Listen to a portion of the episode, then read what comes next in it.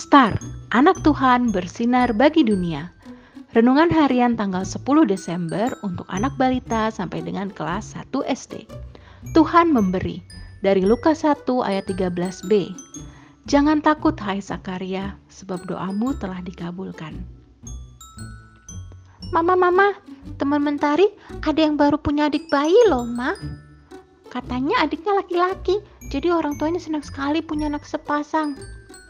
Oh ya, senang ya. Mama juga senang ketika Kak Bintang lahir. Kami jadi punya anak sepasang juga, anak laki-laki dan perempuan.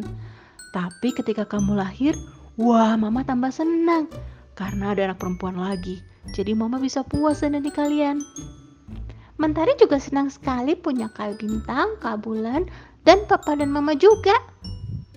Iya, kita semua senang karena Tuhan mengabulkan doa papa dan mama untuk memiliki anak-anak yang manis, pintar, dan sayang sama Tuhan.